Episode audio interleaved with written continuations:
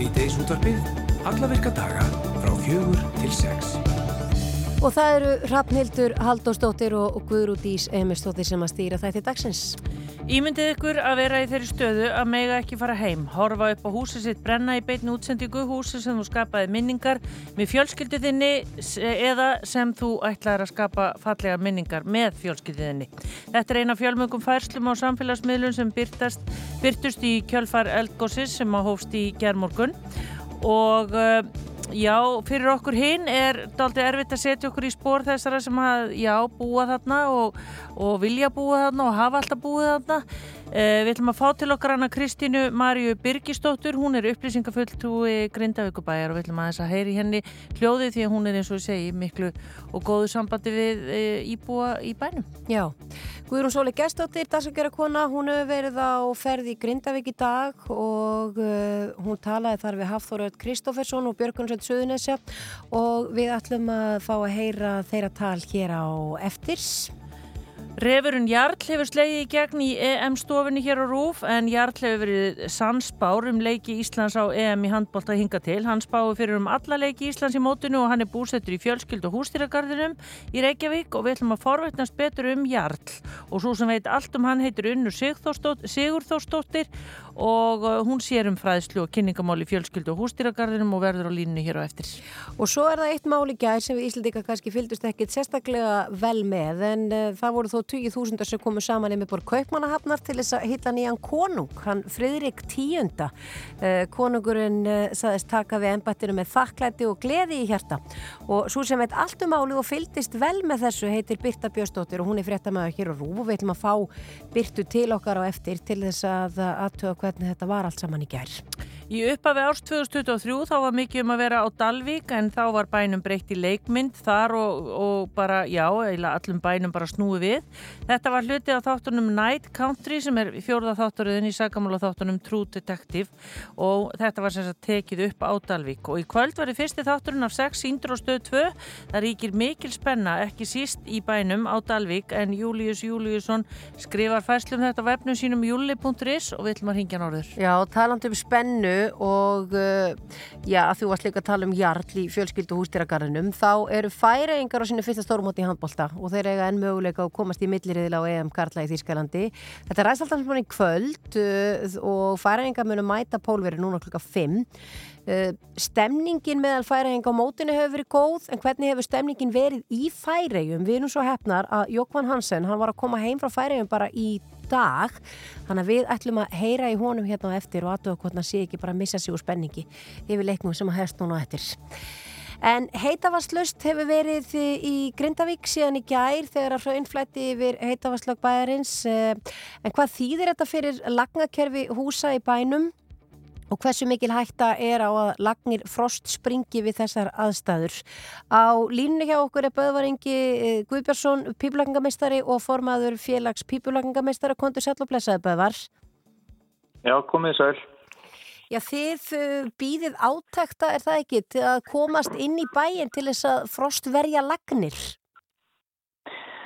Almannavarnir, eða það er að segja samhæðingarmiðstu almannavarna hafið samband við okkur í félagi pípulagingameistara til að kanna hvort við getum farið inn í grindæk eins og við gerðum hann í nógumber síðan og félagsmenn eru klárir og það er stemt á að fara í fyrramálið með hóp, hóp manna hana, inn til grindæk til að reyna frostverja já, eða til að reyna að bjarga lagnakerjum húsa já. þar sem róður komið á hittavarslögnina. Já, en hvað, ég meina, hvað þýðir þetta? E, segjum að heitavatni fór af í gær, hvað má líða langur tími þar til fer að frjósa í lögnun? Ég myndi giska á að eftir daginn á morgun að þá er þetta orðið mjög tvísinn með lagnir í húsum í tildi þess að það er, bara, það er komið frost úti og það er bara, hittast ég er bara að hérna, já, við, við erum komin í frostakabla og þá, þá má þetta ekki býða lengi. Mm -hmm. en, hver, en hvernig er þetta varið? Ég meina, hvað, hvað eh, myndið þið gera? Uh, sko, við náttúrulega notum heitavatnið til þess að hérna, kinda húsinn, þau fara inn í opnana eða gólfuttan, efni sem eru varma leiðandi og, og hann er kynntuð húsin hérna á þessum hittasvæðum og þessi kerfi eru full af vatni, það er að segja rörin og, og opnarnir eru allt hérna, fullt af vatni. Og það sem gerist í frosti er að vatni er svona eitt af þessum undra efnum að flestöld efni byrja að skreppa saman í, í frosti en vatni byrja að þennjast út, það er mynd svona ástæðum að það myndast klækja og vötnum og þessu þar. Það sem gerist í, í lögnum þegar vatni að þennjast út að þá náttúrulega bara rýfur það, þetta er svona miklu kraftar að það bara rýfur lagnar í sundur, við tölum um að lagnar frostspringi og þá er náttúrulega tjónu orði gríðarlegt í húsnæðin það sem lagnir eru búin að frostspringa þá þarf eiginlega bara endurleggi allt upp og nýtt og það er, er tjónu på marga miljónir fyrir hvert hús mm -hmm. uh, þú... Þannig að við þurfum, fyrir ekki svo í svari stundingunni við þurfum að fara inn í hvert hús og hreinlega bara blása vatni út af kerfum þar sem, þar sem við erum gett að fá hittavituna í gang eða er hægt að koma hittavituna í gang eins og ég hefði vittalið við Páli Erland á það, hérna hjá Háa Sveitum, að þeir ná að tengja nýju lögnina sem er búið að leggja, sem fór undir hrauningæðir, ef þeir ná að tengja hana, þá er, þá er verður kjóni minna því þá fáum við heita vatnið í húsin. En ef það verður ekki hægt að koma heitu vatni að húsum í grundagur, þá verður við að gera þessa, þetta er svo kallar plan B hjá okkur, það er hreinlega bara farin í hvert hús og hreinlega bara vastæma lagninar. Bara taka allt vatna af, af öllum lögnum. Já. Sko, þú skrifaðir mjög uh, áhugaverða grein á vísi sem að byrtist núna fyrir helgi þar sem að þú talaðir um nýja sviðisminn sem að kalla á nýja nálgun í, í hitun húsa. Uh, hverju þurfum við að breyta hjá okkur fyrst að við búum við þessa vá að geti, já, að svona geti gerst? Ég myndi segja að sérstaklega fyrir fólki sem býr á Reykjanesinu þá þarf vel að hugsa þetta bara eins og fólk sem er að bú í, í hérna eins og, eins og hérna hvernig við göngum frá lagnakjörum í sumabústöðum það sem gert er á fyrir að hérna það sem er ekki reynda först við þeirra að því gefnu að hérna að, að, að það getur orðið rámastuðst eða hvaðina en nú er bara sviðsmyndið þannig á Reykjanesinu að, að það getur komið upp þessi eins og núna gerist í Grindæk og ef, ef orku verið svarsengi lendir í einhvern vanda með það tryggir ekki heitt vatn til til hérna Reykjanesabæja til dæmis að þá veist, þá erum við sömu, sama vandamölu þar eins og við erum að lendi núna í Grindavík og sérst, fólk farfi, sérst, ég myndi sérstaklega sérst, að þeir nú höfu tíma með okkur varandi Reykjanesabæ, Reykjanesbæ að það þarf eiginlega bara að fara í að endur hugsa hvað er það verður rofa heitu vatni að þá myndi ég svona leggja til og það er mitt hérna ástæðan fyrir þess að greina við þönum svolítið að tenna okkur þess að nýju hugsun þegar við erum að skila frá okkur lagnakjörfum að þetta er möguleiki þetta er allt einu möguleiki sem við gerðum aldrei ráð fyrir, við settum eiginlega öll ekki inn í eina körfu þarna. Við, við gerðum aldrei ráð fyrir að heita á slögnin myndi, myndi rofna. Og þá þurfum við eiginlega að hugsta þannig að, að hérna eins og staðin í dag að, að vera bara með kerfin þannig að það sé hægt að tæma vastlagnir af eða hérna, hérna, tæma vatn af neistláðslögnum og, og hafa hýtakjörðin á þessum svo gullu loku kerfi með frostliði. Mm -hmm. eins og er í þessum sumarúsins Já, akkurat. Og það, ég meina, það er krafa gert á slíkt til dæmis að þú ætlar að fá þér tryggingu á sumarhús er það ekki að þú tæmir þá yfir veturinn þegar ekki verið að nota það? Já, og já, það er bara svona eins og, og lagnir í dreifbíli eins og þarna hérna, eh, ríti sem hérna, BK út á svona tíma Raksson Bingjarinn sem hérna, í dreifbíli eh, einmitt með þetta í huga að, hérna, að frostverja Já, en sko við töluðum við þig fyrir einhverjum mánuðum síðan Böðvar Ingi og þá voru bara píparar klárir að koma og hjálpa til í Grindavík og er sami háttur á, er þetta hérna, er allir klárir í bátana þegar kallið kemur? Já, það er, hérna félagsmenn eru alveg og sérst, láta sér ekki vanda, einu sem, einu sem náttúrulega er, þetta, þetta náttúrulega svæði er, hérna, já, þetta náttúrulega, það er mikið, mikið að gerast í grindaðeg núna og, og náttúrulega félag, sérst, hérna, menn sem, sem gefa kost á sér er náttúrulega bara aftur sitt öryggi. Og það eru svæði þarna inn í grindaðeg sem eru svo, svo kvöldur svona, sem er ekki þá í særi sprungu eða þessum sigdal. Og það, það verður reynd að fara þá í húsin sem er hérna sem eru skilgrind ekki sem hættuleg sem eru svolítið frá sprungunni mm -hmm. og ég menna og, og við sérst, félagsmenn eru alveg, alveg klárið það er bara, já, og, sérst, og nú, nú er kallið komið og, og við ætlum að sjá til hvað við náum að smala mörgum í, í, í, í þessa aðgerð sérst, núna bara sem á hefjast núna í fyrramálið. Já, þannig þetta er svona í rauninni til þess að reyna lámarka tjón. Já, því, hérna, veist, já, þetta er hérna, við, við verðum snöggir á þessu að hérna fara inn í hvert hús og blása vatni af kerfum. Vegna að segja ef, og þá er náttúrulega hugmyndin að húsin fari þá í, í kulda í einhver tíma og það er svo sem skemmir ekki húsin en það kannski fyrir ekki droslega vel með þau og það þarf bara að tryggja þá góða loftræstingu með hann eða lóttin kólna svona mikið. En ef vatn náttúrulega fær að frjósa í lögnuna þá er tjóni orðið tölvert fyrir hvert hús og hérna þá er þetta, getur þetta hlut á 5 miljónum og það markvalda með, með 1200 húsum. En það tjóni getur verið svo gríðalegt það að gera en, en það er ekki það dýrt að, að fá okkur til að koma inn í hvert hús og, og blása vatni af kerfum, það er bara smáurur með að við hýna sýsmyndina mm -hmm. en, en að þeir vorum að, að þú vísar við þar henni greinina þarna sem kom að vísi þá er einmitt áhverð þess að grein að það er, við, við settum inn gátlista fyrir neytendur og þetta er svona fyrirbyggjandi fyrirbyggjandi aðgeri fyrir, fyrir neytendur til þess að bara skoða sitt lagnakerfi. Og þetta er, þetta er gett í sam, samstarfi með hérna, samtökum fjármálafyrirtæki og samtökum viðinæðarins uh, sem voru sem sagt, uh, við, við lögum þetta plagg fyrir þau. Og hérna sagt, úr var þessi gátlisti fyrir neytendur til þess að bara hver og einn getur bara svona uh, skoða sitt lagnakerfi og þá líka bara með, með, með tillit til að neytendur svona skilja hans kerfin sín viti hverju þá fylgjast með og líka sérstaklega þeir sem búa á Reykjavík svona að geta farið í þess að fyrirbyggjandi aðgerið með mín sín kerfi við, við vitum það að nú er einhvað tímabili hefjast á Reykjavík sem, sem við erum ekki þannig að sjá fyrir endan á endan mm -hmm. Við hvetjum fólk til þess að kíkja á þetta. Þetta er inn á píparinn.is og undir fræðsla ef þú vilt tjekka á þessu kæra hlustandi. En Böðvar Ingi Guðbjörnsson, bara takk fyrir að vera á línu hjá okkur og við hugsun til ykkar í fyrramálu og fáum eflust fréttir að því hvernig gengur. Já, takk fyrir. Ok. Bless, bless. Bye bye.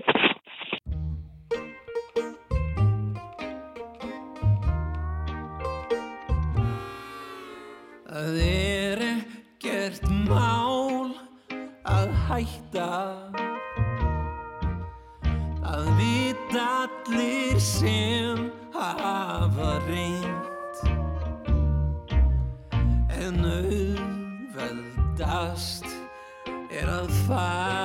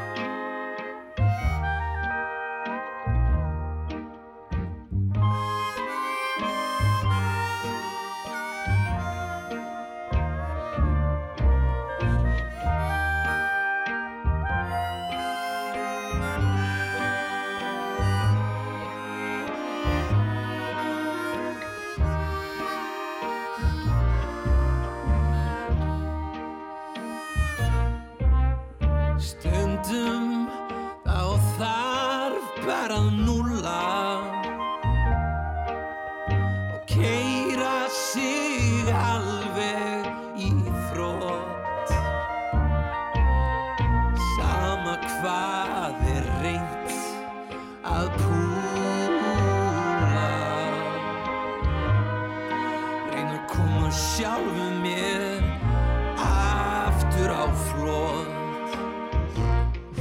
Anda inn,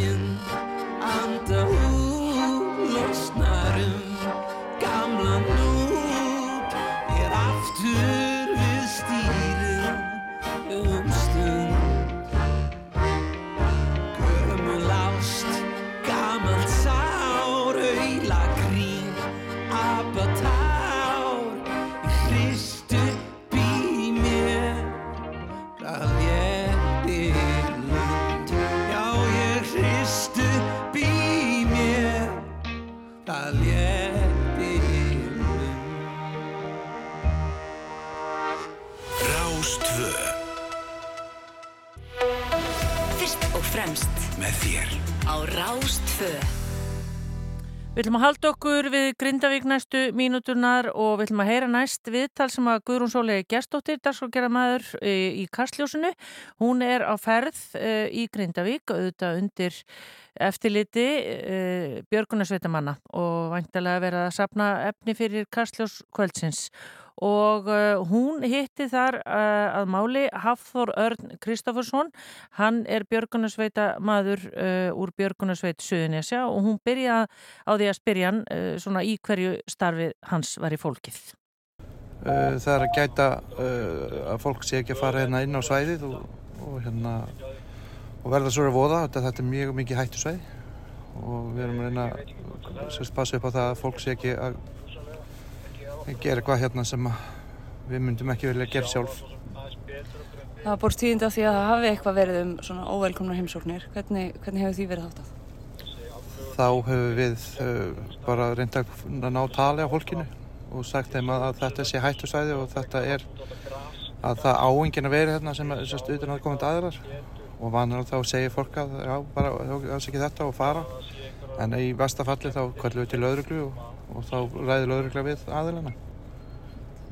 Þetta tekur náttúrulega af starfsorku og einbyttingu fólk sem kannski geti verið að sinna öðru á meðan. Já, það gerir það og það er bara, eins og ég segi, þetta er hættusvæði og það er hættulegt að vera hérna og við, við allir aðræðin sem er hérna núna, björgunarsveitir og aðrir eru núna að sérst, passa upp á það að fólk kom ekki inn á svæðið og verði sér að voða. Við erum með sprungur og annað hérna sem að við uh, vitum ekki af eða sérst, já uh, veit ekki alveg hvað að segja en, en hérna, já, þetta er, sérst, þetta er eins og segja, þetta er bara mikið hættusvæði og við erum bara komið veg fyrir þetta um, Svo maður fáið svona aðeins snertingu við eða litla insýn inn í það hvernig vinnuskipulag er hér er fundað á mótnana og verkum skipta á millikar eða hvernig, hvernig ferða því? Uh, við erum með ákveðnar sérst bara ákvæða vaktir sem við erum búin að ákvæða mannþörf. Og hérna þetta er sérst bara ákvæðið nokkar dagar fram í tíman og hérna og þegar það, þá köllum við bara út segjum bara, bóðum út sveitir bara er það okkur vantar svona mikið mannskap, svona mikið að tækjum. Og ef við náum að manna það þá hérna bara er það ákvæðið fyrir fram hvar þeir eru og, og, og svo erum við með blókunarposta og fólk á hérna að fylgjast með bakleiðin hérna sem að, já, eins og segja, þetta er bara fyrirfram ákveðin mannþörf sem við teljum að við þurfum. Um, það hefur náttúrulega mætt mikið á björgunsveitumönnum undanfatna mánuði og hreinlega ár. Hvernig gengur mönnun? Það er bara mjög vel, þetta er búið að vera svolítið, líka svolítið erfitt, það sem að uh, bara hérna vinnu veitandar, vinnu veitendur, fyrir ekki þeir eru dóin svolítið langþreytir á að fólk sé langan tíma í burtu. Þannig að er, þetta er allt í sálbáðvinni sem við það sem við erum að gera og hérna þannig að þetta, er, já, þetta hefur mætt svolítið á, á mannskapin. Kringustæðir eins og þær sem að þú mættir um helgina, hvernig setjast þær á sáluna? Uh, ég er bara mjög rólegur hérna sko. Uh, þetta er erfitt að sjá hérna heimileg fólks fara hverfa. Uh, en hérna maður bara ánæður að það sé engin veist, það er engin í hættu þannig séð. Jú ég meina það eru hérna björgunsveitir, lauruglur lauruglan, slökulið og aðri þessar sveibrásadalar þeir eru, er, er á svæðinu og er að koma sér í hættu að vera inn á svæðinu. En að almenningur sé ekki hérna. Það er bara þetta, mikið létti fyrir allavega mig og alveg sem allavega aðra. Um, hvaða tilmælum myndir beina til almennings, svona í ljósi ágangs síðustu daga? Það bara að halda sig frá svæðinu vantanlega og sín ykkar störfum virðingu og tillit. Já og líka eins og búið að segja er að það, veist, þetta er mest vaktaða svæði hérna á landinu. Þannig að þú getur þart ekki kominga þú getur fyrir að fylgjast með þessu sérst á netinu þannig að bara lefið okkur að vinna okkar vinnu og þannig að við þurfum ekki að eigða mannskap í þetta og hérna, já, njótið þess að horfa á þetta og veist, í faðmi fjölskyldagar og hangið bara heima kakko Örugur fjarlægt. Örugur fjarlægt. Það var bara fyrir hönd þjóðan og þakka þér fyrir vel unnin störf. Já, takk fyrir Síðdeis útvarfið Á Rástfö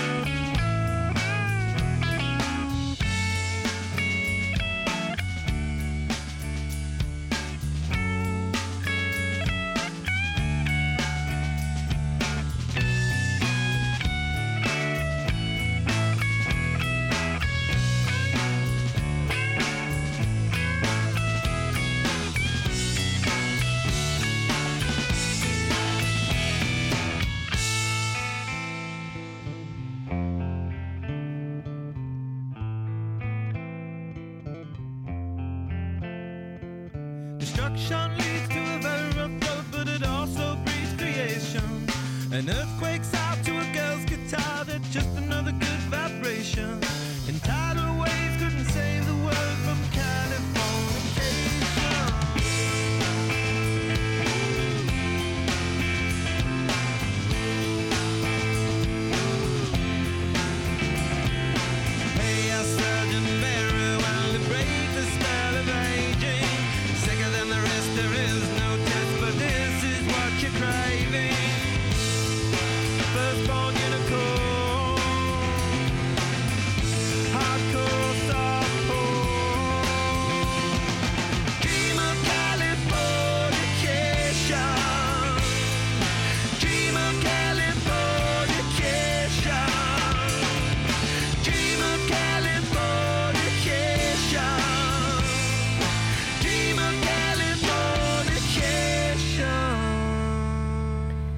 Þetta er Red Hot Chili Peppers og lag sem heitir Californication. Og það eru strax uh, komna hérna fyrirspurnir uh, sögum þess að við vorum að ræða við Böðvar Inga Guðbjörnsson hérna áðan, píplækningamistara þeir eru búin að fá kallið að, að fara til Grindavíkur í fyrramálið að reyna að tappa vatni af uh, einhverjum húsum þar sem að óhættir að fara inn í.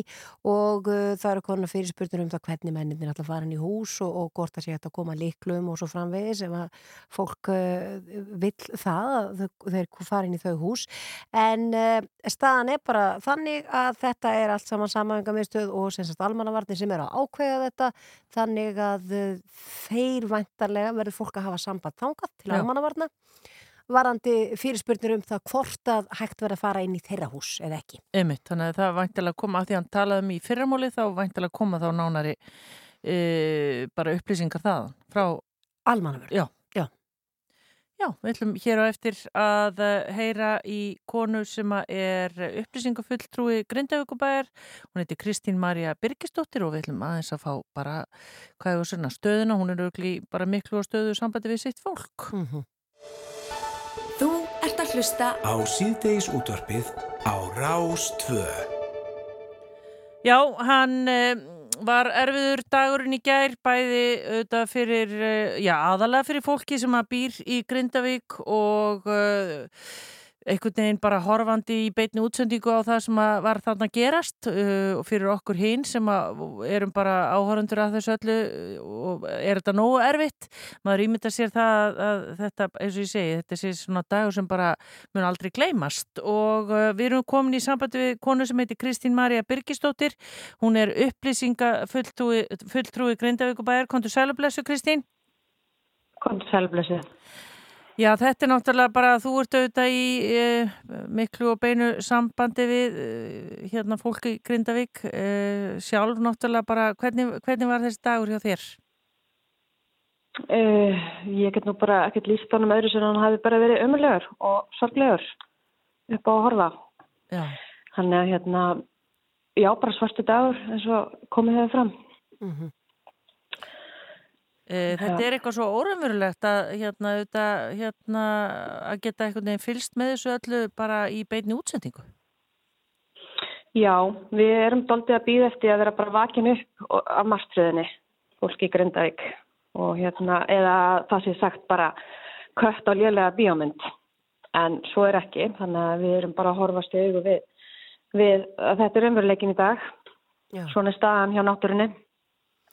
Og þið vantarlega fylgist bara með fréttamiðlum og ítið og rífress, uh, lón og dón og uh, til að vita hvort að eitthvað nýtt sé að frétta. Já, ég held að það sé svolítið svona dæmigjörðu dagur hjá okkur og bara, ekki bara dagur, það búið að vera þannig undanfarnar tvo mánuði. Náttúrulega mikil óvisa og við erum alltaf að rífressa á reyna að hvort það séu komin svör við einhverju af því sem er ósvarað. Þannig að hérna, og mikilvægt bara svo sé sagt að, að allri óvissu sem hægt er að eigða verði eitt og auðvitað er ykkur svör sem að náttúran gefur okkur ekki fyrirfram. Ekki mjög skýrt kannski en, en hérna hvað gerist eftir árið að tvö en ég held að sé mjög mikilvægt að, að það sé reynd að eyða þeirri óvissu sem að hægt er að eyða. Já, finnst þér það svona bara í samtölum við fólk að það sé svona einhvern veginn það versta? Já, það eru náttúrulega alls konar áhugjur sem eru eðlegar. Það er náttúrulega óvisa um framtíðina, það eru fjárhags áhugjur sem hafa náttúrulega eh, ekki lagast við ástandi og tala ekki um þá sem að voru með lífeyrissjóðslán og eru með lífeyrissjóðslán og eh, síðan náttúrulega bara hv- hv- hvernig verður framtíðin með hérna bæjarfélagið okkar. Ég svona held í þá vona að við getum byggt upp samfélagið á ný og það er svona vonin sem að við langar að haldi. Ég er fætt á uppalni í Grindavík og, og vildi hvergi annars það að búa. Þannig að mér langar að trúa því að það verður hægt að kortleggja hættunar og, og en svo er þetta náttúrulega bara erfitt fyrir þá sem að eh, sjá ekki fram á það og upplifa öryggisleysi og það er náttúrulega vond að upplifa öryggisleysi, það er vond að upplifa það að veit ekki hvað þú ert að fara að búa. Þetta er náttúrulega eitthvað sem að enginn getur held í ímynda sér nema að, að búa við aðstæðarnar eða upplifa þetta sjálft. Í gær þegar að þetta eldgós uh, hefst, uh, þú ert vantarlega búin að tala við grindvikinga í dag, upplifuð það að- hljóðið í fólki hafi breyst og, og kannski uh, bara vonleysið hafi aukist? Sko það eru alls konar tilfinningar í gangi og, og, hérna, og fólk hérna, tjáu sér misöflega og, fólk er náttúrulega líður bara öllum náttúrulega illa en við dýlum náttúrulega á misöfnan hátt við, við aðstæðunar okkar og við áfallin okkar. En það er bara, uh, það er alveg fólk sem er þar og, og svo eru alveg aðrir sem vilja hérna, haldi vonuna og trúa því að hægt sé að byggja upp samfélagið að nýju. En það geti verið langu tími í það Við erum náttúrulega að horfa á þann veruleika að það hafa voru tvö eldgóð sem er mjög milli, millibili í svona jarðsögulegu samhengi á þessari sprungu. Þannig að við erum svolítið að býða hvað gerist næst.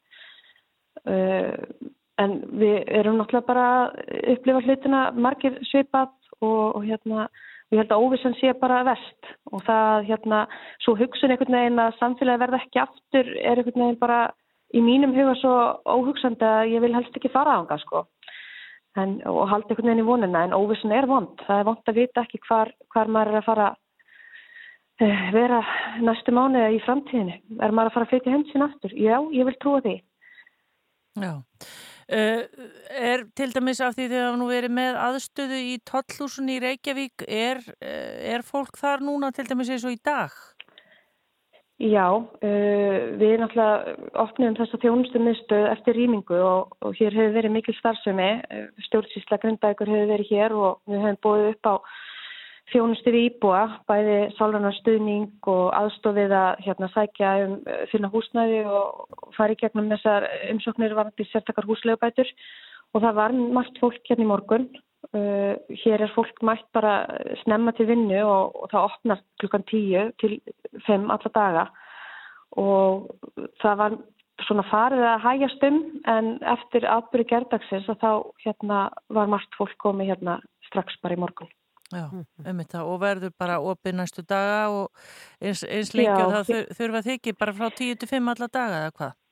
Já, við höfum verið með þetta opið og hér hafa verið hérna, hægt að fá sér kaffi og bakkelsi og, hér er með þess að skýra og skvísus fyrir litlubötnin þannig að hérna og við höfum bara hvart fólk til þess að koma því það er líka gott að hitta fólk sem er í bara sömu uh, stöðu og þess vegna finnst mér gott að nefna það kannski núna að það er samverustund uh, í annars verið keflæk sam, uh, hérna, safnarheimilinu þar og í Hafnafyrði, í safnarheimilinu í Hafnafyrðakirkju núna klukkan 5 Þetta er bara samverustund uh, fyrir grindvikinga að koma og hittast í þessari stöðu sem er komin upp. Það er mikið áfall fyrst í rýmingunni og síðan bara því sem að átti sér stað í gær. Og ég held að það að hlúa hvert öðru og er náttúrulega bara ómetalegt að finna hvað er rosalega mikil samstaða bara hjá Íslendingum í okkar garð. Og það hjálpar alveg rosalega mikið að díla við aðstæðunar sem að, sem að grindvikingar eru í núna. Og, og það er bara mikilvægt að, að, hérna, að það sé síndu bara stuðningur í verki líka. Eigða óvissinu með húsnæði í eitt skipti fyrir öll. Og ég held að það sé nú eitthvað sem að er, er nú verið að reyna að róa öllum árum að. Já, um þetta. Við hvetjum fólk til þess að, að- mæta þarna einu sinni en kannski tímasetningu og staðsendingu. Já, það er í safnarheimilinu í Keflaugakirkju og safnarheimilinu í Hafnafyrði e, núna klukkan 5 Já. samverustund fyrir grindvikinga. Já. Við hugsun til ykkar, Kristín Marja Birgisdóttir, eh, takk fyrir að vera á línu hjá okkur. Takk sem er leiðis. Já, og uh, við ætlum að heyra aðeins af, uh, það er hérna landsleikur uh, núna klukkan 5.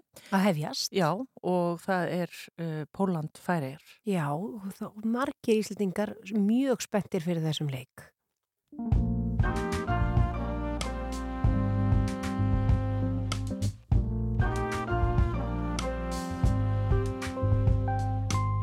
Afsakið en mætti ég Fá að ræða létt við húsfrúna Af almættinu sendur er. Hún þarf að komast aðeins út núna Hún þarf að dilla dilla bara dansa smá. Tætt og trill að fá sér smá í tá það má. Hú það má. Hún fer að verða inni blóm. Hún er rótföst í inni skóm. En þó börnin séu sjampa fín. Hún var í alveg til í kampavín Því hún var eitt sinn Bæði ung Og hæfilega framheipin Hvert fer hún? Hún fagnar frelsi fegin vill hún fljúa Hvað sé hún? Hún hrópar hæra heimur kanta heyra Fagnar hún? Hún ætlar útlift henni út og sjáðu Hvernig hún svo springur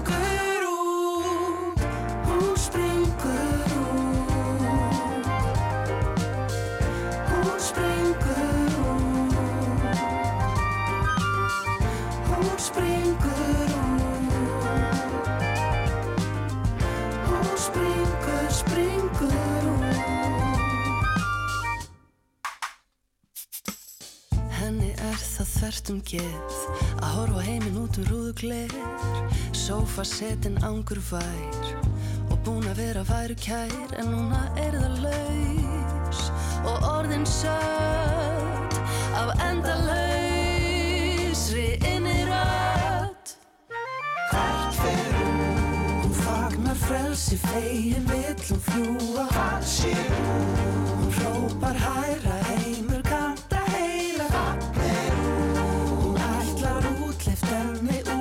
sjáðu Hvernig hún svo springur út. Afsækiði mætti ég Fá að ræða létt við húsfrúna. Og þarf að komast aðeins út. Hún fagnar frelsi fegin vill hún fljúa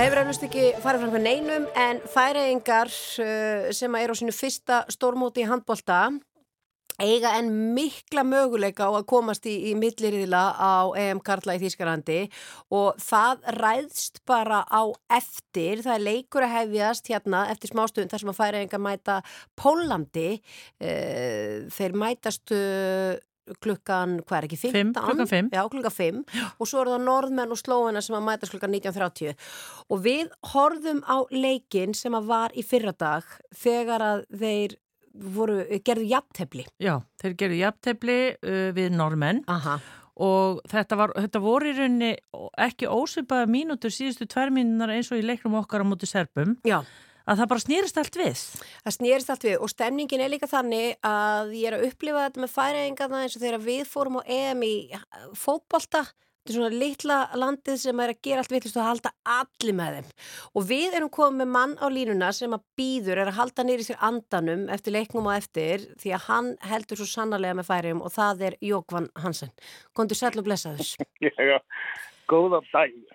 og, og við erum svo hefna líka Jókvan að þú ert bara nýkomin heim frá færium þannig að þú hefur eflaust náða að bara drekja þér í stemningu þann úti Alveg endalust og, og við erum ekki smá ána með, með árangur, árangin hjá, um, hjá stráknun okkar. Má Já. ekki nota það? Jú, jú. Þú mátt þetta Að, li, að litli strákandur okkar. Einmitt. Hérna, það er alveg, alveg, alveg dásanlegt að sjá og hvað þeir eru flottir. Ég var, skemmtileg að sagja það, ég, ég var nú í sundi þarna úti í Klagsvík uh, fyrir nokkru vikum og þá, nei, fyrir tveim vikum síðan, já, hérna, þá segi ég kallar, herru, þeir landsliðir eru frá kominga í eitthvað svona, eitthvað æfingadæmi, þú mátt alveg vera lengra ef þú vilt segi, Nei, nei, svo fer ég inn í styrtuklefa. Ég hef bara aldrei séð svona stóra færingar. Þetta voru risar. Já, þeir eru nefnilega hávaksnir hann í liðinu. Já, hávaksnur og grjótarður, sko, Já. sterkjum. Já. Ert þú að segja okkur það þá að þú hefur bara verið í kallaklefanum með Eliassi á skipagötu? Nöka, já, já, þetta er ekki stórt land. Það er einhvern sko- veginn það sem maður hefur á tilfinningunni varðandi ég færa enga, þeir þekkist allir og, og þú ert að segja okkur svona sögu ég, þess eðlis eins og bara, jú, ég var í færiðum og ég hitti handbóltalarslið. Já. Já, við vorum bara, bara sittu saman. En, en, ég, þetta, en, en er þekkjuru, ég sko, af því þú ert nú kannski orðin aðeins eldri heldur en til dæmis hérna Aðeins. aðeins, þá þekkjuru þá kannski, þú veist, pappana eða eitthvað svona? Já, það er sorglega að segja, mann man þekki pappana hjá þessu, stórkostli drengjum. Nei, mann, ég, ég, ég þekki þið, svo leiðist ekki, þetta er strákar sem, sem eh, eru allir, já, þeir vinna allir erlendis, eru, eru í atvinni við handbólta, eh, eins, eins og ofil vera þá, þá eru komnir komnir út til Þískaland og, og út um allt, en, en einhverja á þessu drengjum eiga, eiga, eiga flotta handbólta pappar og eins og já, já, já, þú veist, ég veit alveg nokkra pappar, já. Já, einmitt. Já, Sko, sko Gunnardís kynnti hérna í upphafi að sko þeir ættu stóran séns á að koma en þeir þurfa í rauninni að vinna stór svi- sigur á pólverum til þess að hérna eiga séns og svo þurfa þeir að treysta á að norðmenn tapi fyrir slófinum þannig að þetta er, þetta er þessi leið sem þeir Já, þurfa að fara. Ertu Habi- bjart sín? Ég hvað? Ég, ég menna, það getur alveg skert. Men þetta er ekki ólíklegt, neitt á þessu. Nei. Við, við, sko, þessu færisti strákar eru, eru jafn góður og allir hinn. Það að við vinnum stórsíði, það er bara ég, allar trúa því. Og normenn tapar sig að það er bara, ég hef allar trúa því líka. Mm hvernig, hvernig leið þér þegar að, þeir jöfnuðu normenn? Það var bara um, magnað, hérna, ég sað bara í, í bátaskilnum mínu þar og hérna, íslenska vinni minn var, var með líka og það var, það var alveg geggja að sjá, að sjá þetta gerast. Já. Og alveg eins og hjá Íslendingum, það var líka alveg virkilega, virkilega gaman. Já. Þessi, þessi síðasti 40 sekundum þar í báðu leiknum voru, voru alveg, alveg ótrúlega sem sýnir líka það að, að það, er, það getur allt gert í þessum leiknum. Já, en hvernig getur það verið ég að það séu fleiri færingar í Berlín heldur en Íslendingar í München að fylgja liðin eftir? Ég veit það ekki, kannski áttu þeir bara ekki pening til þess að kaupa ykkur flug með eftir jólum. En þetta er rosalegt. eitthvað svoleiðis. Ha? 5.000 manns? Já. Já, 10% af þjóðinu. Já, 10% af þjóðinni. Það er allavega stemning. En aðeins varðandi það að því að aftan á búningunum þá, þú kannski getur aðeins sagt okkur á því að því það eins og til mis Elias, hann heitir Ellefsen en hann skrifar Elias á skipagötu aftan á gallansinn. Hvernig, af hverju kenni, kenna þeir sig allir við, já, hýpili sín? Um, Sjöbakvötu. Ég bara, næ, veistu, ég get ekki svarað þetta. Nei. Ég hef átt að koma með einhver rosa flottum svara þar, ég veit, ég hef ekki hugmynd. Nei. En er þá öll, er þá öll fjölskyldan hans, Elias Ellefsen á skipagötu, heiti pappans þá líka á skipagötu eða hvernig er þetta? Já, Já, það er bara svo les. Já, kenna sem að að skipagötu. skipagötu. Já, þetta er svona eins og, þetta er svo ættanafn. Já, þetta er svona eins og ættanefnin í okkur. Þetta einfaldar á hlutina fyrir ykkur. Þe- Þegar hann segir, uh, maður spyr með eftirnafni, hvað við kemur, þú veist, þá getur maður ráð þessu langt aftur í tíma. Hérna, uh, hvaðan það koma og, og það útskýr svo rosalega margt. Þetta er mjög sniðut, hvernig við gerum þetta færi. Já. Ég, sko, ég er Hansen og mamma og pappi er Hansen og afa var Hansen og amma var Hansen. Veist, þetta er bara, við komum allir einn fjölskyldu og og þetta er, þetta er mjög snið, ég mæli með þessu. Já, þetta er miklu einfaldara. En hvernig, hvernig heldur að leikurinn fari á eftir? Hann fer nú bara uh, stutt í hann hefjist. Ég, sko, ég held að við rústum pólfinu. Mm. Já. Má, má ekki segja það? Jú, jú. Þannig að þú ert, þú ert í rauninni sammála staðhæfingu minni að við eigum ennþá bara, þið er ennþá mikla möguleika á að komast áfram. Já, já, og ég vona það svo innilega. Já.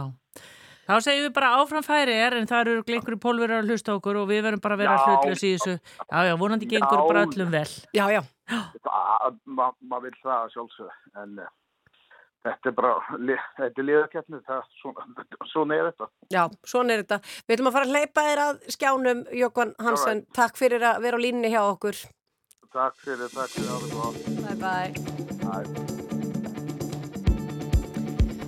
Og jú, jú, leikurinn er bara að hefjast. Það eru þjóðsöngvar í gangi akkurat núna og þetta er á Rúf 2. En fyrir þá sem ætla ekki að ára á leikinn og hlusta áfram á sítegisútubið sem er eitthvað sem við hvetjum að sjálfsögðu fólk uh, til að gera, þá mun það nú ekki koma af tómum koman. Við ætlum að fjalla um kríninguna í gær uh, þegar hann Friðrik okkar var gerður að konungi. Tíundi. Já, já. Tíundi. Hann er tíundi og það er svo virðulegt. Og svo er það Jarl í hústýragarðurum sem að er að eh, spá fyrir um ústill leikja Íslands í, á EM. Hann hefur verið sansbáringa til. Hver er Jarl? Við ætlum að koma að því eftir smástund líka. Já, og svo True Detective sem að verða frumsitt í hvað. Já, og að tekja upp á Dalvík. Þannig að það er nógu að taka hér í síðdegistöpunu.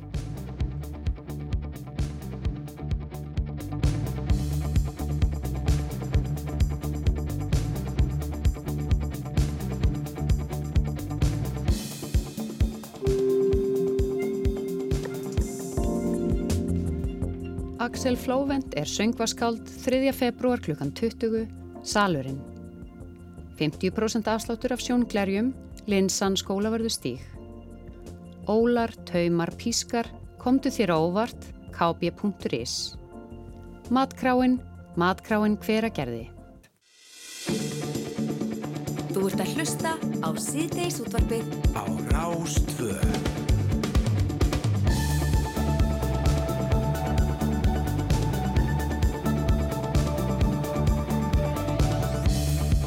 20.000 komu saman í miðborg Kaupmannahafnar í gær til að hýtla nýjan konung Fridrik X. Konungurinn saðist taka við ennbættir með þakklætti og gleði í hjarta og uh, svo sem að fylgdist með þessu öllu saman er Birta Björsdóttir uh, fréttamaður og hún er komin eitthvað til okkar kontur sælar blessuð. Sælar. Ég segð þú okkur aðeins, það var það mikil fjöldi að það var allt uppselt er það ekki neðan að lesta kerfum og almenningssamgöngum í, í Damörku eða í Kaupmannahöfn? Jú, það var mikið um að vera og lauruglan gaf það út fyrr í vikunni að byggja fólk um að koma til borgarinnar sko fyrr. Það var uppselt held ég á hérna, allir lesta meður á laugadeginum, þannig að byggja fólk að dreifa ferðalögum aðeins svona í aðdraðanda þessa. En það sá maður þá loftmyndum í gær. Það var bara staðið á hverju einustu, já, hérna, hverju einustu götuhotni og gott betur. Það var alveg, mannhafið var þvílíkt. Ekki bara fyrir utan Kristjánsborgarhöll, það sem að kongurinn nýji kom hann út á svalir og veifaði heldur líka bara meðfram allri öllum gödunum sem að bæði hann og svo móður hans, þeim var ekið þarna fram til og frá höllinni. Já, en þetta var samt svona, að því varst nú búin að koma til okkar hérna fyrir, hérna í síðustu viku, þetta var samt svona, svona ekki mjög há hástemt einhvern veginn. Einmitt, þetta var svona formfast alveg, eðli málsins sangamt en mjög svona hófstilt. Já. Það var ekkert svona í líkingu við kríninguna í Breitlandi í fyrra til dæmis, það var við sást ekki neina kórunu til dæmis eða neitt slíkt, þetta var bara gert með pennastríki og allir auðvitað sínu fínasta pússi og þá voru þarna, já, heyrðmenn drotningar sem stóðu vörð og allt svoleiðis, en þetta var svona spari en ekki svona neitt óurlega miklar hefðir og, og, og hérna mikill íburður, alls ekki að hestvaginn hafi nú kannski svona aðeins sett tónin. Já, en, en samt sko alþýlegt vegna þess að hann kissir Mary til dæmis. Það. Og svo einhvern veginn bara fjölskyldan og þetta er einhvern veginn, já, þau eru svona bara manneskjur að holda og blóði svolítið. Já, ég held að það kannski, kannski þessi viðbröð hans sjálfs á svölunum síndi, færði hann held ég kannski svona aðeins nær fólkinu held ég þegar hann kemur hann út, opnast dyrnar og, og maður heyrir sko því lík fagnaðalæti og hann greinilega komst við, hann þurkaði hann að tára kvarmi og varð augs, augsýnilega bara mjög klökkur, auðvitað bara stór stund fyrir hann sjálfan en líka bara eflaust hafa þessi viðbröð fólksins hreift við honum. Já. Já. Hvað er hann gamall? Hann er uh, á 60 aldri, Já. hann er fættur 68. Og hann er að taka við þessu núna. Núna mun væntalega lífans breytast töluvert. Já, það gerir það. Það hérna, en auðvitað var hann svo sem krónprins áður og var nú ekki bara eitthvað maður á skrifstofu út í bæ áður en hann var konungur, þannig að hann svo sem þekkir þetta allt og, og hefur lifað í sviðsljósinu frá því að hann fættist. Hann hefur hérna verið krónprins bara frá því að hann fættist og líkt hérna sinni hann sem að verða það núna fyrst 18 ára gamall. Þannig að, en jú, auðvitað breytir þetta því að hann, svona, hans hérna, embætti skildur verða fleiri og svona, já, hafa meiri vikt heldur, heldur sem krónprins. Það, hérna, það gerist ósjálfrátt núna. Já, og flytja þau, hvert fara þau fjölskyldan? Þau ætla að búa í Kristjánsborgarhöll. Já, og hérna reyna að halda bara eðlulegu lífi. Já, svona eins eðlileg og hægt er. Ég menna börnið er að ganga öll í vennilega skóla og, og annað slíkt en auðvitað allt sem heitir til dæmis öryggisgæsla og annað slíkt lítur að aukast samlega því að verða konungur. Já. ferðast meira og svona verður ofinberri persóna. Og Mari, hún verður drottning. Já. Hugsið ykkur að bara fæðst í Ástralíu kynst gaur á bar uh, þegar olimpíuleikarnir voru í Sydney og þú ert orðin drottning í einhverju ríki í Evrópu. Einmitt. Það er ekkit algilt er það að maki verði kongur eða drottning á móti. Nei, það er ekki alltaf uh, og hún er fyrsta sagt, drottningin í veröldinni sem er fætt í Ástralíu. Þannig að Ástralir er líka fylgdust grant með hérna gangi mála í Danmörku í gær og við erum búin að sjá fylgta fréttamyndum af fólki sem er svona einhvern veginn fylgist spennt með sinni konu eðlega. En það eru þá tvær sem eru drottningar í Danmörku í rauninni að því að Margaret heldur þe þeim titli þó að hún sé ekki já, hæstráðandi lengur. Já. En hvað fer Marí að gera? Ég meina sem drottning, er hún meira svona að fylgja honum eða verður nú svona svo hérna bara okkar fórseta frú? Já, ég held hún gerir sko, þetta verður kannski svona á starra skala af því sem hún hefur verið að gera hinga til. Þau öll svona kannski velja sér svolítið svona sín, já, hlutverk ef svo má segja, leggja áherslu á ákveðna hluti í sínum verkum, svo sem eins og bara íslenska fórsetafrúin hefur gert og annað slíkt, þannig ég held að hún haldi því nú bara ótröð áfram.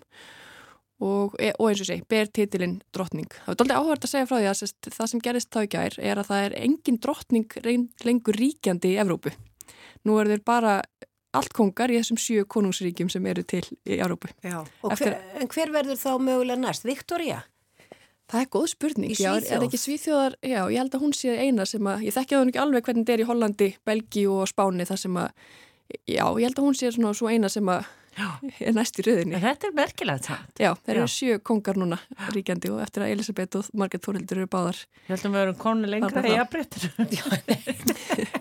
En það ætlast nú bara þannig að því að eldstu börnir þeirra eru sínir. Já, já. En, en Margrét Þórildur, hvað... Já, hvað fyrir hún og ekki? Já, góð spurning. En, en svo er líka spurning, allir þetta sem komið til að vera, að, menna, er þetta ekki alltaf nútímalegt og flott að þú bara afsalið þér krúnunni yfir til, já, svona reyða dóttur og lefi næstu kynslu að taka við og farið síðan bara sjálfa að njóta lífsins og, og svo framvegs? Jú, það er auðvitað, slæðir svona ákveðin tón og svona, það, það gerir líka sko krúnuskiptin miklu gleðilegri þegar Margrét sjálf varð drottning, þá var það þegar fæðarinnar Friðrik nýjundi fjett frá. Þannig að þau krúnuskipti verða svona einhvern veginn alltaf í skugga eitthvað sorgar. En núna gerist það allt öðruvís ég menna mamman tekur bara þátt í þessu og, og hún var með í morgun. Þau fóru nýja konungs, nýju konungsjónin fóru í danska þingið og hittu þar þingmenn og þar var ákveðin serimónia og Margrét Þórhildur var þar með. Þannig að hún mun einhvern þátt taka áfram. Og hún er uh, staðgengill konungsins einn af þeim, krónprinsins sömu leiði svo nýja drottningin og þannig hún er ennþá svona hvað sem að með í leiknum Mhm. þó að hún beri engar svona ein, eiginlega skildur en þá sem að kvíla á þjóðhengjanum. Og ég, þú talar um, um krónprinsinn, ég sá að hann var mitt fengin að þessu stóra borði þarna sem eru að undrita skjölin, af því að hann er svo nestur. Já, og hann sem sagt þá sjálf krafa verandi, verandi krónprins, þá er hann hluti af þessu ríkisráði. Það var ríkisráði Já. sem hittist í gæri Kristjánsborgarhöll og þar sem sagt afsalar Margrét sér krúnni og það er sérst hérna, þjóðhauðingin og hérna krónprinsinn þá hérna, sem að eru eiga hluta ríkisráðinu ásandir þeirri með ríkistjórn Danmerkur. Já, þannig að ósjára átt þá mun hann þurfa að fara að axla meiri ábyrgð. Já, nú er hann orðið komin í hlutverki sem fadir hans var í frá, þangað til í gær Mhm. Og getur nú örgulega sótt í reynslubrunn hans. Hvað heitir hann aftur? Kristján. Hann heitir Kristján. Já. Var hann ekki nýbúin að eiga, hvað? Hann er 18 ára síðan Já. í oktober. Já. Hann er fættið 2005. Ég, hérna hér, við erum eftir að fylgjast vel Ég fæði ennþá gæs og núna bara þegar hann fór að gráta þá fór allir að gráta og svo fór maður gæs og að tala um þetta. Það var fallegt. Þetta var mjög fallegt og auðvitað minnast mörg þess að hann náttúrulega feldi tár líka þegar hann og Meri giftu sig. Já. Þá tók hérna danska þjóðun andköf þegar þið sáu krónprinsessin tárast þarna við altari þannig að hann er greinilega svona ekkit óhrættu við sína tilfinningar sem að ég held að, að Danir séu almennt svona, já, hann segja færa hann aðeins nærðum held ég. Einmitt. Og þetta er allt inn á rúfvefnum bæði samantekt og svo bara útse, úr útsendingunni í, í hérna gerð. Já. Birta Björnstóttir frétta með að takk fyrir að koma til okkar.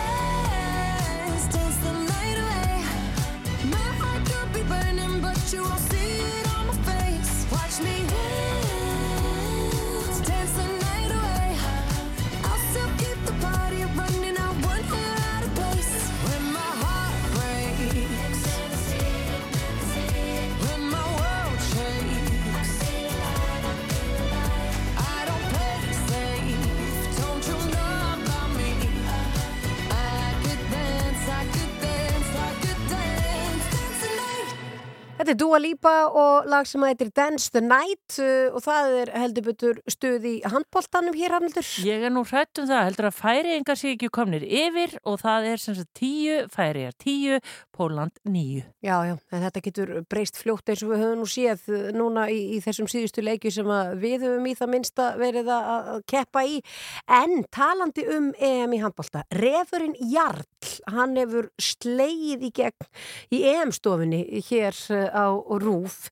Hann hefur verið sannspár um leiki Íslands á EM hinga til og hann spáur fyrir um alla leiki Íslands á mótinu og hann er búsettur í fjölskyldu og hústýragarðinum í Reykjavík og okkur leikur forvitni að vita já bara hver er þessi jarl og hvernig fer hann að því að vera svona sannspár það er ein kona sem að veit allt um hann hún heitir Unnur Sigurþórsdóttir og hún sér um fræslu og kynningamál hjá fjölskyldu og hústýragarðinum og hún er á línni hjá okkur, kontur sæl og blessuð Unnur Já, komið sælar.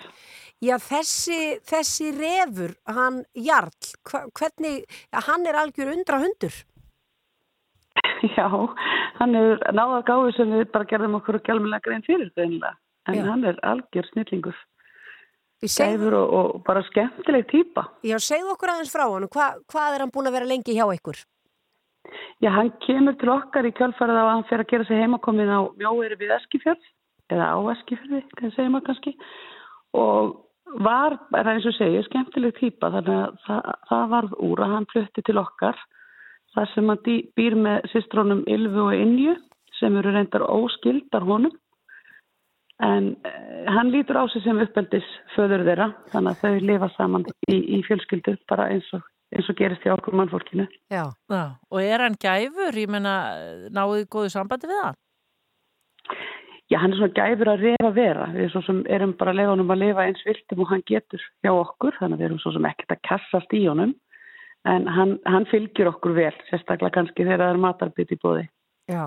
Og talandi um matabita, nú erum við búin að vera vitna því þegar það hafa verið tvær skálar setta fyrir framannan, annur mert Íslandi og hinn mert eh, Serbíu og svo aftur uh, núna þegar var Ísland og Svartfjallaland.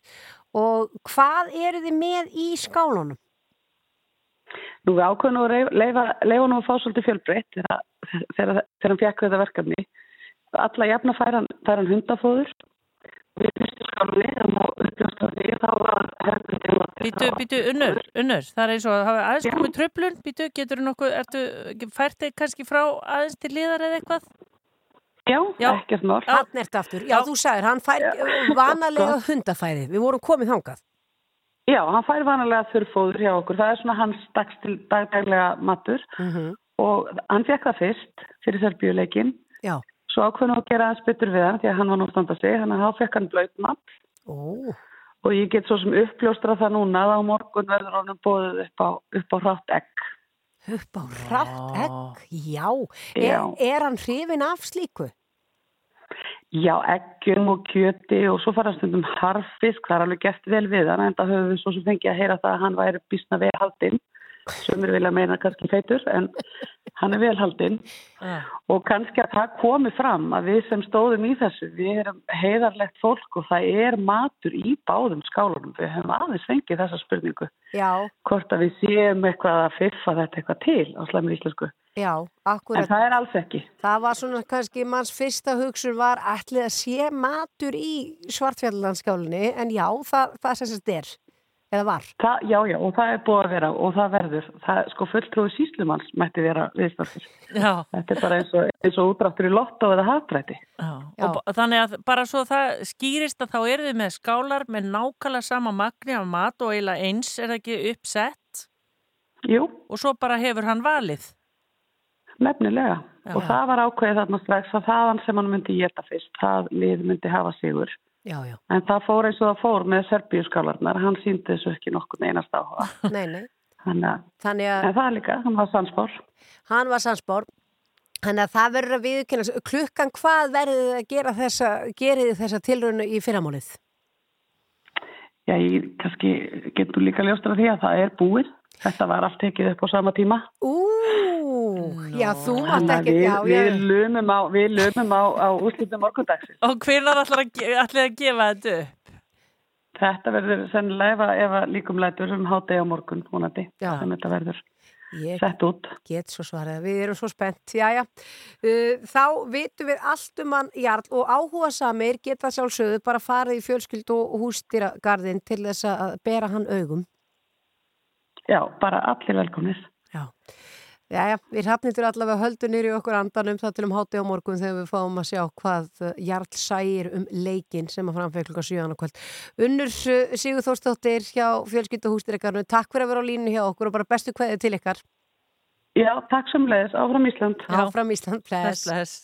Og Bless. bless. Og það er rétt að geta þess að nú er jafntefli í leiknum eins og þú sagðir áðan það þetta getur breyst bara á, auðvitað útrúlega hratt í svona handbóltaleik. Já, það er jæmt 11-11. Uh, mér fannst hún unnur svo létt. Mjög létt, já heldur að það hefur verið þannig. Ég er að vona... Ég sammálaði, það var létt yfir Það henni. var létt yfir henni, það var ekkert svona eins og, eins og jarlæði vaðið í, í ungverðarlandskóluna. Nei. Mér fannst, svona, mér fannst létt yfir henni, þannig að vonandi því það að hann hefur alveg grafkað í sig egginu í Íslandsskólinni. Síðdeis útvarpið. Á Rástfö Slides in through the door, moves her feet across the floor, head above the couch. Sweeps them off their feet without ever missing a beat. One way to please the crowd. Oh,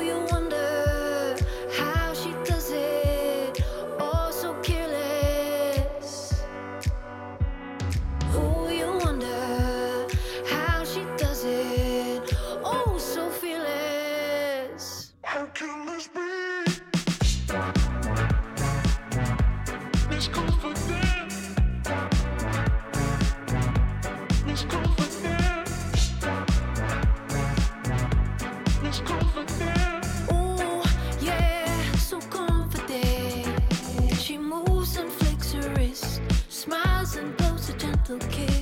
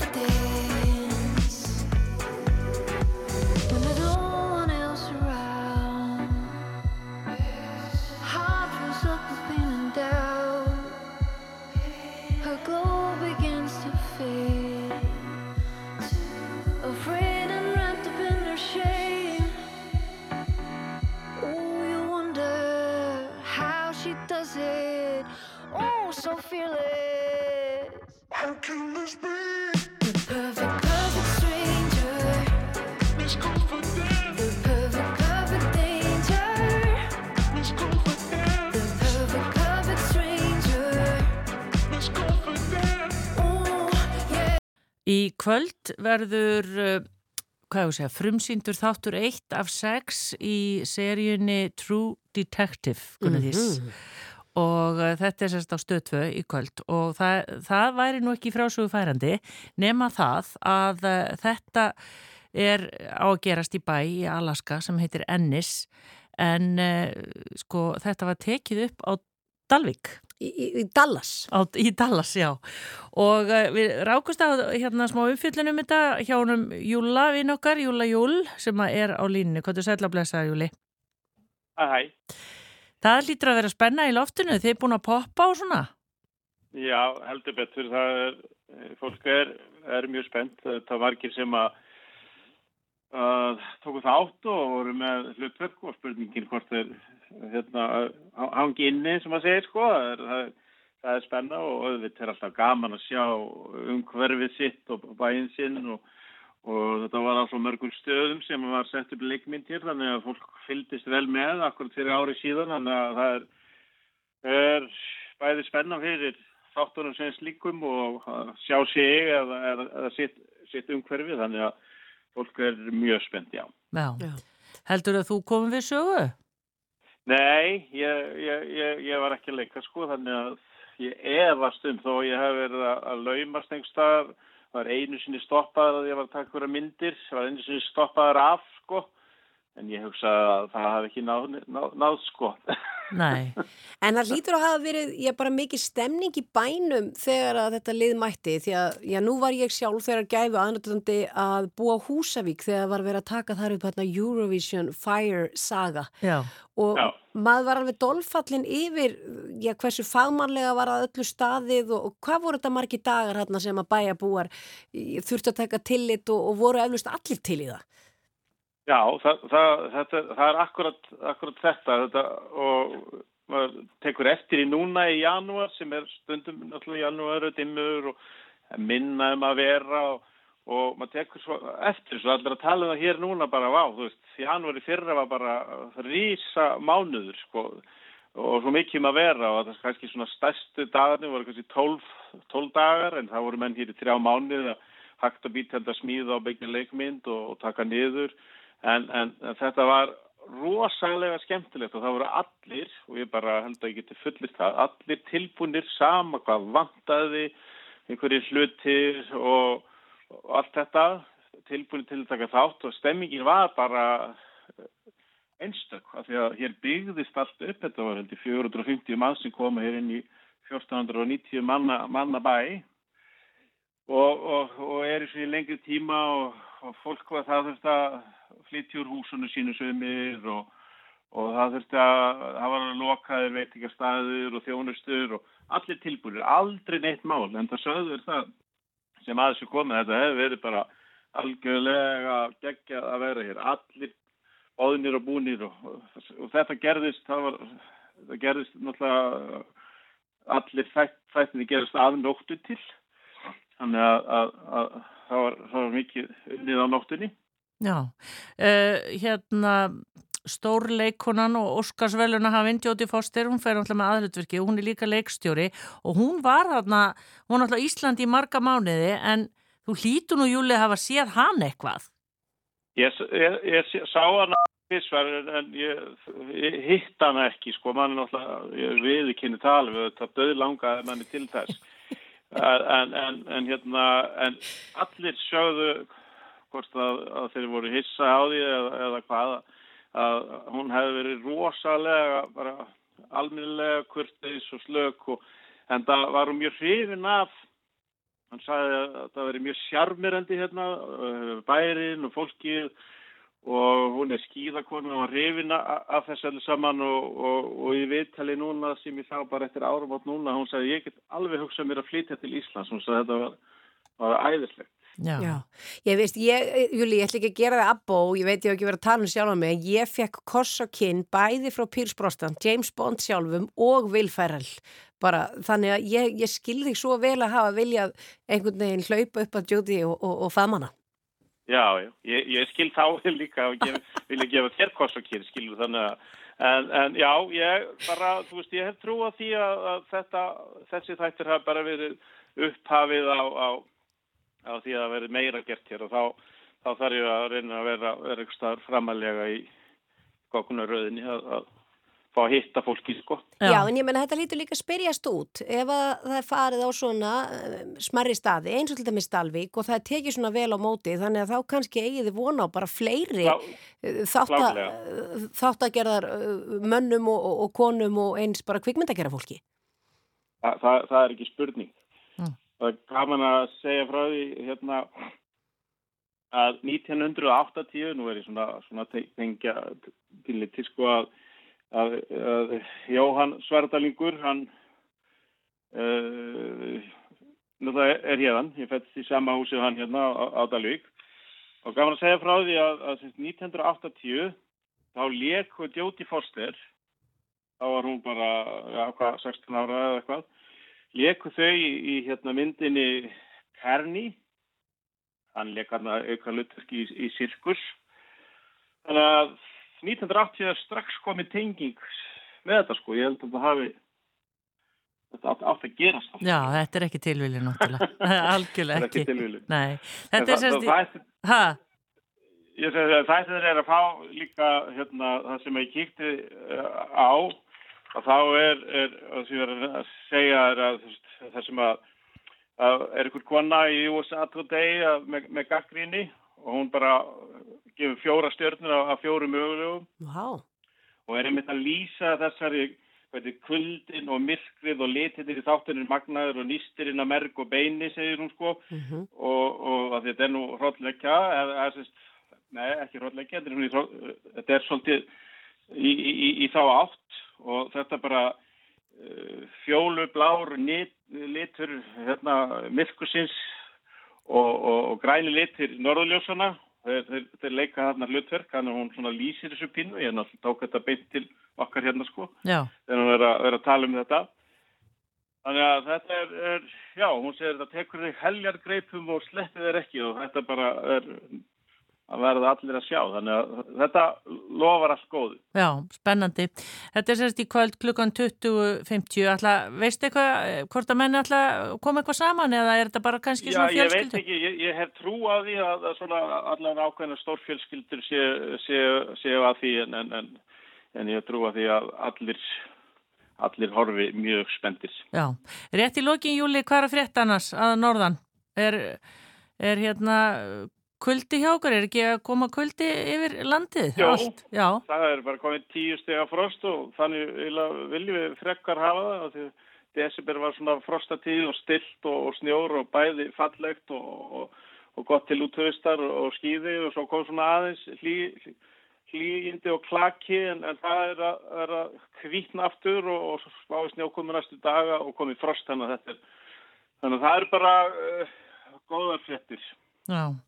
Við segjum bara góða skemmtun í kvöld að horfa á fyrsta þáttinn uh, af þessum, uh, þessari serju sem sagt uh, True Detective. Já, og það er Night Count Country, eða ekki?